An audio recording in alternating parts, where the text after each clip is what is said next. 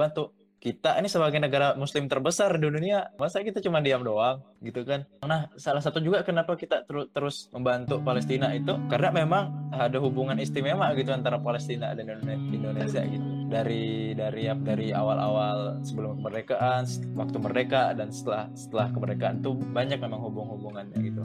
Nah dan juga orang Indonesia ini pada dermawan gitu kan? Jangan kan di negeri sendiri di negara iya, di negeri yang jauh pun ditolong gitu. Iya. Kalau kalau sudah perihal rasa kemanusiaan itu sudah orang Indonesia itu mantap. Nggak bisa dipungkiri loh bahwa banyak banget uh, lembaga independen di Indonesia yang hari ini itu kayak donasi-donasi ke Palestina, Yaman, Suriah itu tetap masih ada dan ada aja loh yang donasi bener loh. Iya kak, benar. Kalau kalau kita lihat tuh kan banyak banget lembaga yang gede-gede lah ya ACT, Dompet Duafa, ada Relief, kemudian Sadaka, aduh banyak banget banyak banget.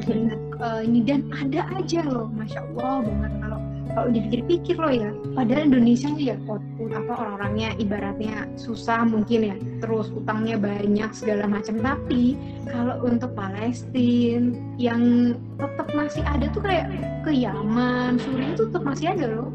Betul konsisten ya iya betul.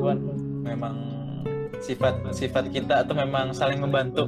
Iya. Masya Allah masya Allah. Banget tuh yang yang apa ya patut di uh, apa disyukuri dari Betul. dari orang-orang Indonesia tuh. Karena emang banyak banget semalam tuh kamu tuh bilangnya sampai berapa persen ya? Hampir 80 persen loh itu dari Indonesia.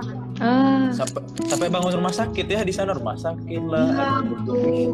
oh bangun masjid masjid istiqlal yang bangun di sana juga iya benar masjid renovasi rumah yeah. kemudian kalau musim dingin uh, donasi untuk pakaian musim dingin kayak gitu gitu kan yeah, bawain selimut kayak gitu gitu kan kalau iya. kalau kalau Ramadan bulan puasa gitu ya kirim buka iftar terus kalau yeah, Roma uh, kasih uh, paket baju baru uh, macem-macem lah Luar iya, biasa nanti Idul Adha kurban Palestina, kurban. Palestina. Bentar lagi ada kurban, ntar ada lagi bantuan. Hmm, kayak banget.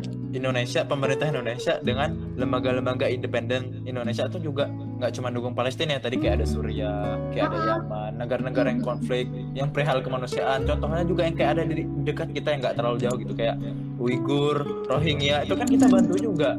Bahkan juga kita sempat bahkan kita juga sempat memasukkan mereka kan pengungsi di kayak daerah Aceh gitu daerah mana gitu. Kan ada orang-orang Rohingya gitu jadi ya mungkin kan ada sebagian kayak negara lain kayak contohnya kan kayak Yunani ada orang ada orang Palestina atau Rohingya gitu mau masuk kayak didorong sama uh, air gun gitu. Si si guard lah di polisi laut gitu supaya jangan masuk kan. Aduh itu ter tersayat hati melihatnya. Nah lanjut nih. Tadi kan tuh sempat di di apa sih disenggol dikit tuh hubungan Indonesia Palestina gitu. Seperti yang kita tahu ya nih kita biar biar orang-orang pada tahu gitu biar anak-anak muda pada tahu nih. Hubungan Palestina Indonesia itu sebenarnya udah lama.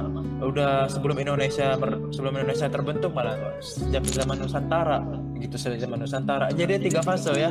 Sebelum Indonesia merdeka sesudah Indonesia Indonesia merdeka dan uh, uh, fase politik Indonesia Palestina gitu sampai sekarang. Mungkin nih coba gitu uh, dari Rafika deh, dari Rafika gitu coba gimana sih apa hubungan Indonesia dan Palestina gitu. Yang katanya tuh ada wali-wali songok gitu berdakwah di Indonesia. Wali, gimana coba? Coba. Nah, apa? Ini jujur-jujuran aja nih sebelum uh, adanya perjanjian, eh, perjanjian untuk melaksanakan podcast ini, uh, saya sendiri tuh masih oh ternyata hubungan kita tuh deket dengan Palestina, sedekat itu gitu bahkan sebelum kita merdeka ada mufti ya mufti dari Palestina yang mendukung Indonesia untuk merdeka. Dan itu disiarkannya di uh, radio Jerman.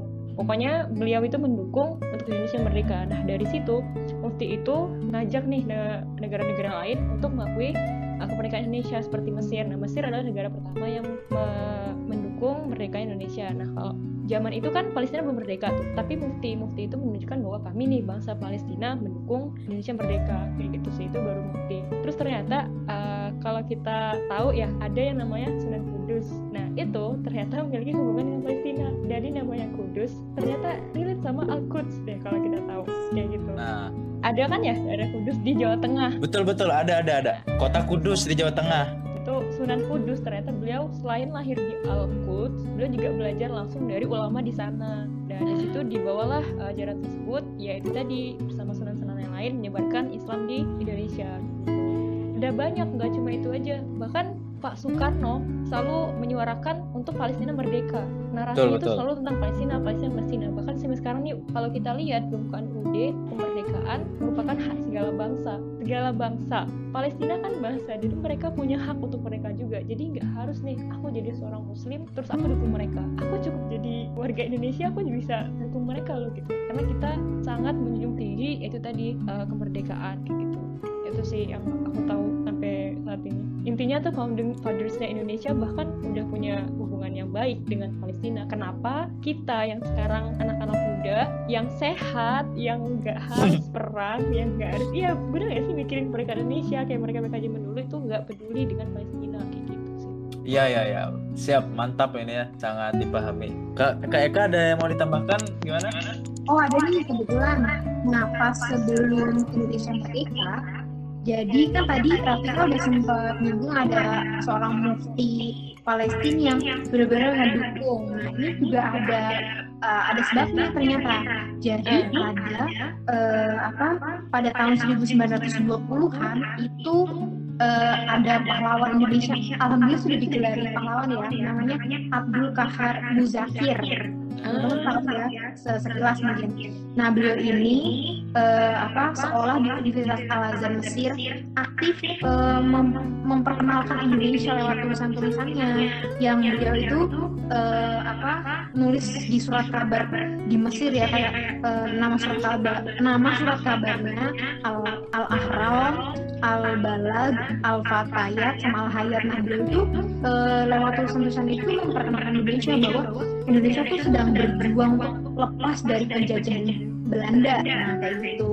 Eh, apa suatu ketika tulisan ini kan dibaca kan oleh eh, orang-orang yang di Mesir atau mungkin para eh, mufti-mufti di eh, negara-negara Islam pada saat itu sehingga akhirnya beliau itu diminta oleh mufti besar Palestina namanya Syed Amin Al Husaini untuk mengikuti Muktamar Islam Internasional di Palestina sebagai eh, perwakilan umat Islam Asia Tenggara khususnya dari Indonesia.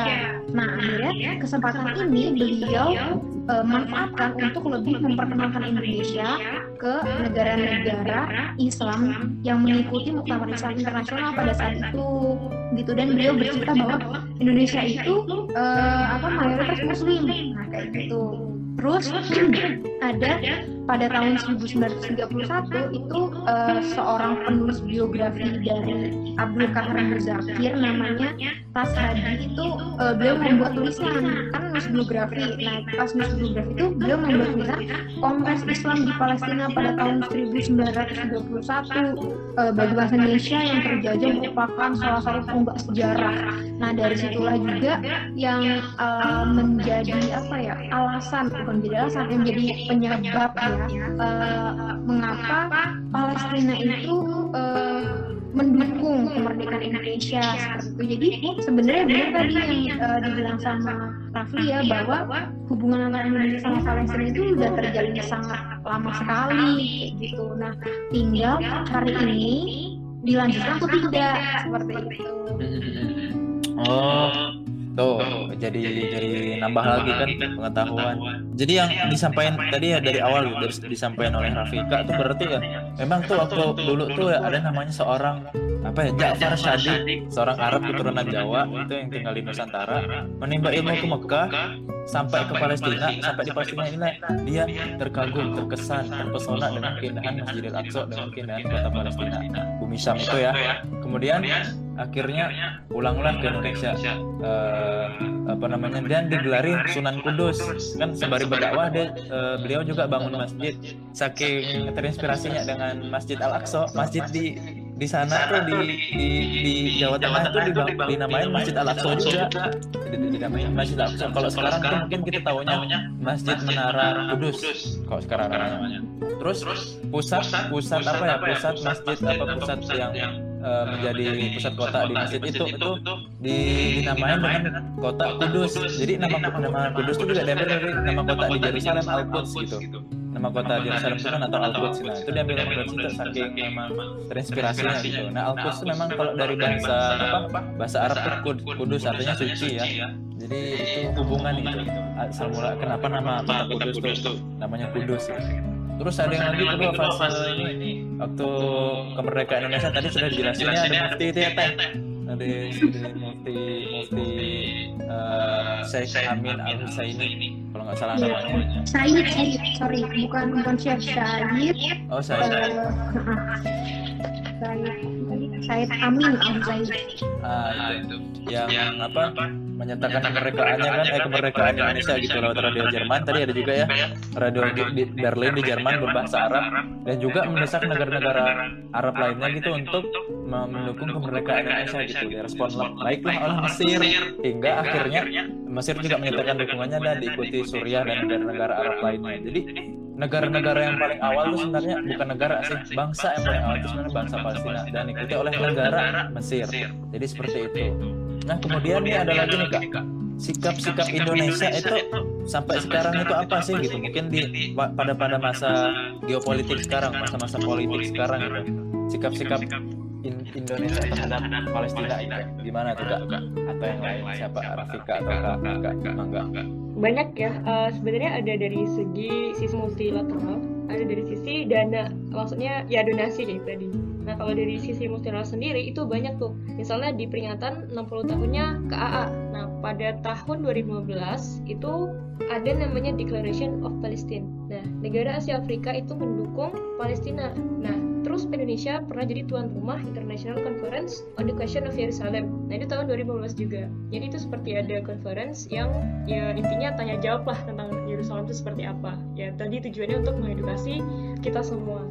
Nah dari segi dana juga banyak. Bahkan kita juga Indonesia itu memberikan seperti semacam pelatihan-pelatihan untuk anak-anak di sana. Dan tadi juga kita udah sempat singgung ya kayak yang bangun rumah sakit bangun masjid itu juga salah satu peran kita dari negara Indonesia nih untuk mereka. Nah ada juga yang namanya kontribusi United Nations of Relief and Works Agency for Palestinian Refugees. Jadi itu semacam organisasi untuk eh, donasi nih negara-negara mana yang mendonasikan untuk Palestina. Nah Indonesia itu pada tahun 2009 sampai 2014 kira-kira udah 360 ribu US dollar eh, mendonasikan untuk eh, Palestina sendiri. Jadi banyak sebenarnya nggak cuma itu kita juga berusaha ngangkat terus ya isu-isu uh, Palestina di PBB. Maksudnya Indonesia itu berperan besar untuk Palestina. Nah kalau negaranya berperan besar, kenapa kita yang pemuda nggak bergerak walaupun cuma menyuarakan sedikit di sosial media kayak oh ini lo Palestina kayak gitu. siap siap sangat sangat menggugah ya gimana kalau dari Kak Eka ada ini Eh, mungkin yang ingin disampaikan sedikit aja sih karena tadi emang udah dirangkum sama Rafika ya Eh, apa kalau hubungan Indonesia saat ini sih kalau Ani lihatnya dari sisi yang tadi ya kayak alhamdulillahnya gitu masih banyak lembaga-lembaga Indonesia yang eh, dengan sangat semangat itu me- apa ya lewat edukasi kemudian menyuarakan bahwa Palestina itu intinya butuh ditolong gitu. Kita yang hari ini tidak bisa menolong jiwa dan raga gitu misalkan ya eh, berjuang ke sana langsung setidaknya kalau kita memiliki harta lebih gitu kan kita bantu lewat donasi-donasi kayak gitu dan banyak ada aja gitu maksudnya eh, bantuannya. dan alhamdulillah sampai saat ini masih banyak eh, teman-teman muslim orang-orang muslim di Indonesia yang mau mendonasikan sebagian hartanya untuk eh, saudara-saudara kita yang ada di Palestina gitu. Jadi eh, untuk orang-orang yang mungkin biasa nggak punya hubungan diplomatik nggak punya kekuasaan nggak punya apa pun kita bisa eh, menjalin hubungan dengan kita emosional. Maksudnya eh, kita punya empati kepada mereka itu lewat donasi-donasi kita kayak gitu. Dan juga eh, perkataan yang paling terkenal ya dari presiden pertama kita Bung Karno itu yang kira-kira gini perkataannya. Selama kemerdekaan bangsa Palestina belum diserahkan kepada orang-orang Palestina selama itulah bangsa Indonesia berdiri menentang penjajahan Israel. Woi. oh betul presiden presiden pertama kita ya loh dan itu dan itu. dan itu pun dari apa kalau bisa itu mah bisa dibilang lah dukungan secara ini ya secara formalitas ya. formal ya. Betul-betul secara formal dari semenjak Indonesia sudah menjadi negara mendukung kemerdekaan Palestina gitu kan. dan itu juga konsisten gitu dari setiap presiden-presiden sampai presiden sekarang ke Pak Jokowi itu pun konsisten gitu mendukung kemerdekaan Palestina. Dan juga banyak sikap-sikap pemerintah Indonesia melalui Kementerian Luar Negeri Indonesia gitu kan di PBB gitu dan lain-lain. Gitu kan memang sudah banyak sikap-sikap yang mendukung dan menentang penjajahan Israel. Kemudian ada juga ini selain juga dari apa? dari pemerintah itu juga warganya juga itu memang senantiasa konsisten gitu mendukung pangan logistik dan lain-lain. sangat sangat luar biasa gitu ya. jadi tidak ada alasan gitu untuk kita tidak peduli sama Palestina gitu. karena memang hubungan Palestina dan Indonesia itu dari awal-awal kemerdekaan bahkan gitu kan sampai sekarang itu memang sangat sangat sangat erat gitu. Dan juga kita uh, sesuai amanah undang-undang gitu ya. perjanjian di atas ini harus dihapuskan. dengan sesuai dengan primer dan kemerdekaan pokoknya adalah segala bangsa lah ya. Lupa ya. nah, itu. Nah itu itu juga memang selain juga kita mendukung kemerdekaan Palestina itu peduli terhadap Palestina selain dengan sentimen agama selain dengan kita sebagai seorang muslim kita juga sebagai warga negara Indonesia juga punya misi gitu Indonesia. Punya semangat konstitusional ya semangat konstitusi kita gitu dalam undang-undang dasar 1945 kenapa kita harus mendukung Palestina? Memang karena Indonesia itu anti penjajahan. penjajahan itu memang harus dihapuskan ya. mereka itu adalah hak segala bangsa. itulah banyak banyak poin. nah mungkin terakhir gitu pertanyaannya terakhir uh, apa sih gitu upaya-upaya gitu mungkin kita ya khususnya gitu khususnya sebagai pemuda Indonesia perempuan yang laki gitu pemuda Indonesia untuk mendukung Palestina gitu. Itu seperti apa gitu? aku masuk. Silakan Nah, kak. silakan. Nanti silakan ditambahkan. Siap siap. kalau ada yang ketinggalan. Jadi eh, salah satu upaya ya dan ini juga bisa dilakukan. Maksudnya mulai mulai dilakukan dari diri kita sendiri kemudian nanti kita eh, menjadi bekal ketika nanti sudah berkeluarga segala macam gitu ya. Kayak harus sadar dulu bahwa Allah itu sudah bilang di kitabnya gitu di- Al-Quran bahwa Palestina itu eh, adalah negeri para nabi, negeri yang diberkahi. Tidak ada alasan untuk kita untuk tidak peduli gitu loh. Apalagi ini menyangkut nilai kemanusiaan yang kalau kita lihat hari ini banyak saudara-saudara kita yang sangat-sangat berjuang gitu loh. Eh, tiap hari mungkin rumahnya bisa rubuh, tiap hari mungkin salah satu keluarganya ada yang meninggal atau mungkin nggak bisa makan, nggak bisa sekolah segala macam. Jadi eh, ada nilai eh, nilai-nilai dari pertama poin pertama adalah agama. Jadi kita perkuat iman kita, kita perkuat pengetahuan kita, eh, kita perkuat eh, doa-doa kita. karena salah satu senjatanya umat muslim itu kan doa ya. Kita nggak pernah tahu doa dari orang mana yang bisa menembus langit gitu kalau misalkan kita orang-orang Indonesia yang mayoritas muslim ini sama-sama kita berdoa untuk kebaikan dan keselamatan saudara-saudara kita yang ada di Palestina itu insya Allah bisa menembus langit gitu loh. Bisa Allah Amin, bisa Allah tolong gitu loh. Karena mau gimana pun kita bergantung sama Allah. Maha penolongnya itu Allah itu yang pertama. Kalau itu kita udah kuat nanti kita bisa bawa akhirnya kognisi itu ke keluarga kita ke anak-anak kita kita tularkan eh, apa eh, keyakinan itu gitu. Terus poin keduanya itu adalah eh, dari sisi kemanusiaan gitu loh.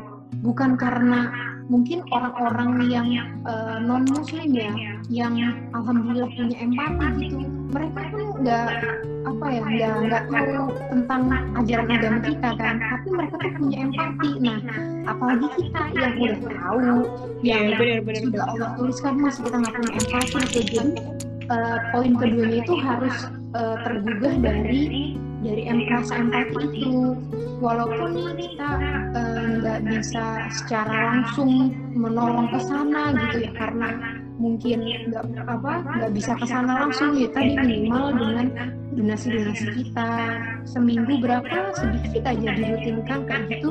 Insya Allah juga menjadi nilai ibadah buat kita pribadi dan bisa menolong uh, saudara-saudara kita yang ada di sana seperti itu itu sih. Dan juga dan juga ini ya kak kalau kita kayak mau donasi kayak mau gitu juga banyak lembaga independen gitu yang amanah ya. jadi itu jadi itu lebih mudah gitu. jadi kita nggak usah tuh mau donasi di sana gimana caranya? Gitu. Banyak kayak lembaga kayak ACT rumah zakat. Ya smart smart satu tujuh satu macam-macam lah. Macam-macam banyak banget. Bahkan banyak banget. uh, yang kecil-kecil pun ibaratnya yang mungkin sekarang lagi merintis NGO NGO membantu Palestina juga banyak banyak. gitu. Jadi apalagi dengan kemudahan dunia hari ini ibaratnya mau lewat scan barcode udah bisa donasi, mau lewat GoPay udah bisa donasi, mau lewat Iya, apa pun benar-benar benar. udah bisa donasi gitu maksudnya. Tinggal klik langsung nyampe Palestina. Ah, bener. apalagi mungkin kalau yang kalaupun kalaupun nih nggak bisa donasi pun kalau udah nggak bisa kita bisa kon- lewat konten edukasi di media sosial ya membantu me- menyebarkan menyuarakan eh, suara Palestina gitu lewat Iya, benar, berita atau dan sebagainya. Apun, ataupun kalau kita nggak bisa buat konten kita juga sharing-sharing tentang Palestina juga nggak apa-apa. itu juga salah satu itu juga salah satu bentuk kepedulian kita ya upaya Iya, kita gitu. Betul betul. Gimana kalau dari Rafika gimana kurang lebih sama atau gimana mau nambahin Itu udah lengkap deh kayaknya. Oh, udah Itu lengkap ya? Iya, benar-benar. bingung apa lagi ya gitu. Kita mau bantu. Bingung. Udah selain donasi kita juga bisa buat konten, kita juga bisa sharing, Iya, benar-benar. kita bisa sampaikan ke teman kita banyak sih cara-caranya. Benar-benar. Jadi jadi ya sudah kita ngobrol panjang lebar tadi memang dari awal sampai sekarang ini itu memang udahlah nggak ada nggak ada alasan lagi lah buat nggak peduli Palestina gitu udah banyak bukti, bukti gitu bukti-bukti sejarah lah eh, hubungan emosional Indonesia dan Palestina hubungan eh, macam-macam lah itu sangat-sangat sangat-sangat wajib harus banget lah banget banget banget kita peduli sama Palestina gitu Setuju. Setuju setuju. betul ya jadi jadi jadi gitu nah ini dari dari Kak Eka sama Rafika nih. mungkin gitu ada closing statement gitu closing statement gitu buat eh, pemuda-pemuda kita ini. lebih peduli lagi sama Palestina gimana nggak panjang juga apa-apa. Ya, kalau dari aku sih ya itu tadi eh, ayo coba untuk peduli, coba cari-cari dulu deh informasinya. Eh, siapa tahu ntar peduli. Karena aku sendiri juga awalnya cuma ya udah sih Palestina. Oh, oh ya udah. Nah, setelah mencari tahu lebih dalam, baru di situ timbul rasa peduli yang lebih oh ya ampun ternyata oh ternyata ternyata jadi banyak apa ya kita harus at least usaha untuk nyari tahu kemudian baru nih mulai aksi apa yang aku bisa lakukan sebagai uh, pemuda muslim mulai ya tadi kayak mulai dari sharing uh, kemudian bantu donasi dan doa yang paling penting. Siap siap. Mantap. Dengerin ya ya teman-teman. Ya kita lanjut ke ke Eka. Gimana ke Eka? Ada closing statement gitu buat pemuda gitu khususnya pemuda Indonesia. Gimana sih biar kita peduli gitu sama Palestina gitu? Yang lebih sebenarnya sama dengan yang disampaikan Rafika.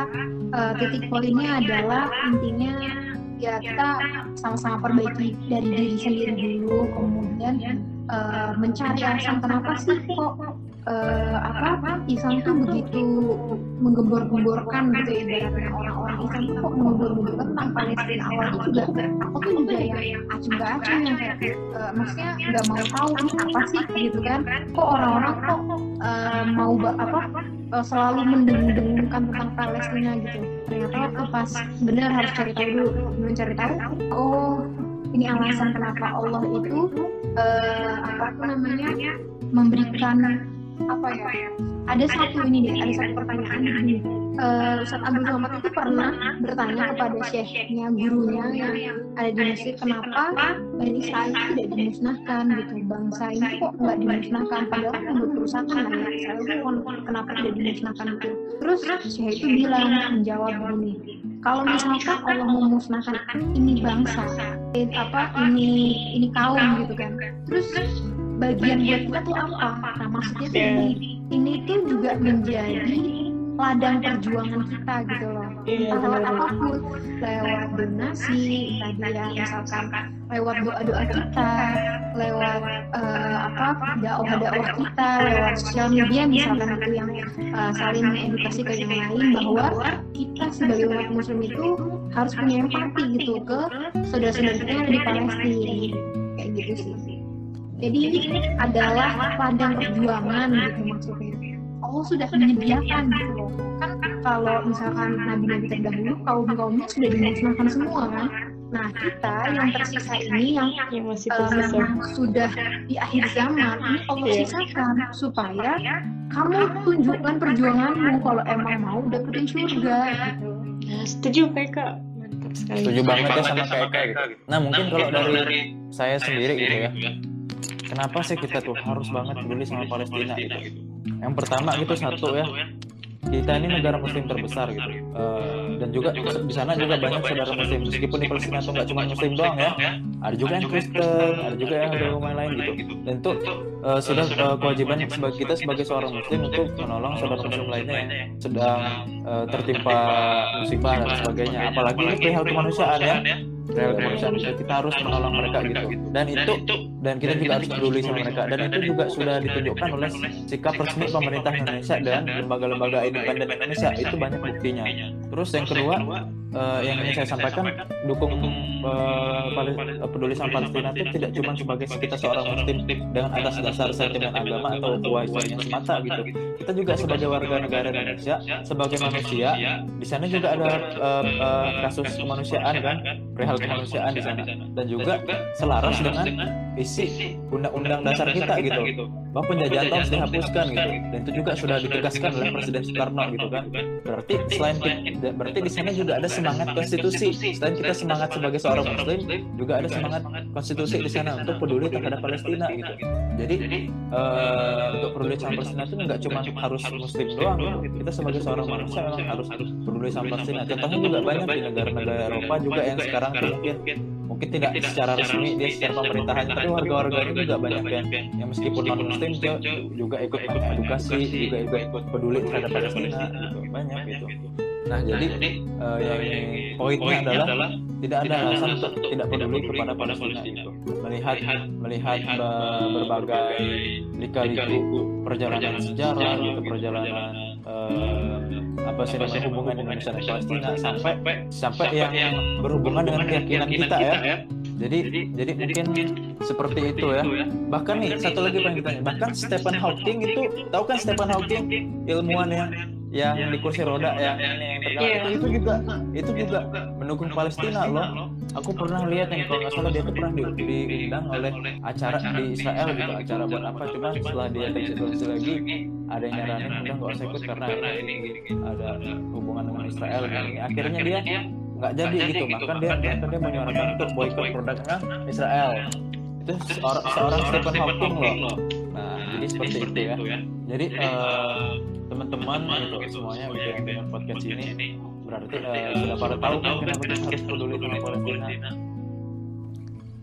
Nah, jadi mungkin cukup sekian gitu dari kami bertiga dari saya Rafli, Kak Eka dan Rafika. Semoga teman-teman dapat mengambil manfaat. Segala kekurangan, kesalahan dan hilaf itu murni dari eh, kesalahan kami gitu dan kebenaran hanya milik Allah. Selamat bertambah kepedulian kita terhadap Palestina dan bertambah daya juang kita terhadap Palestina. Sampai ketemu di segmen-segmen podcast selanjutnya. Sekian, wassalamualaikum warahmatullahi wabarakatuh. Yeah, bye bye.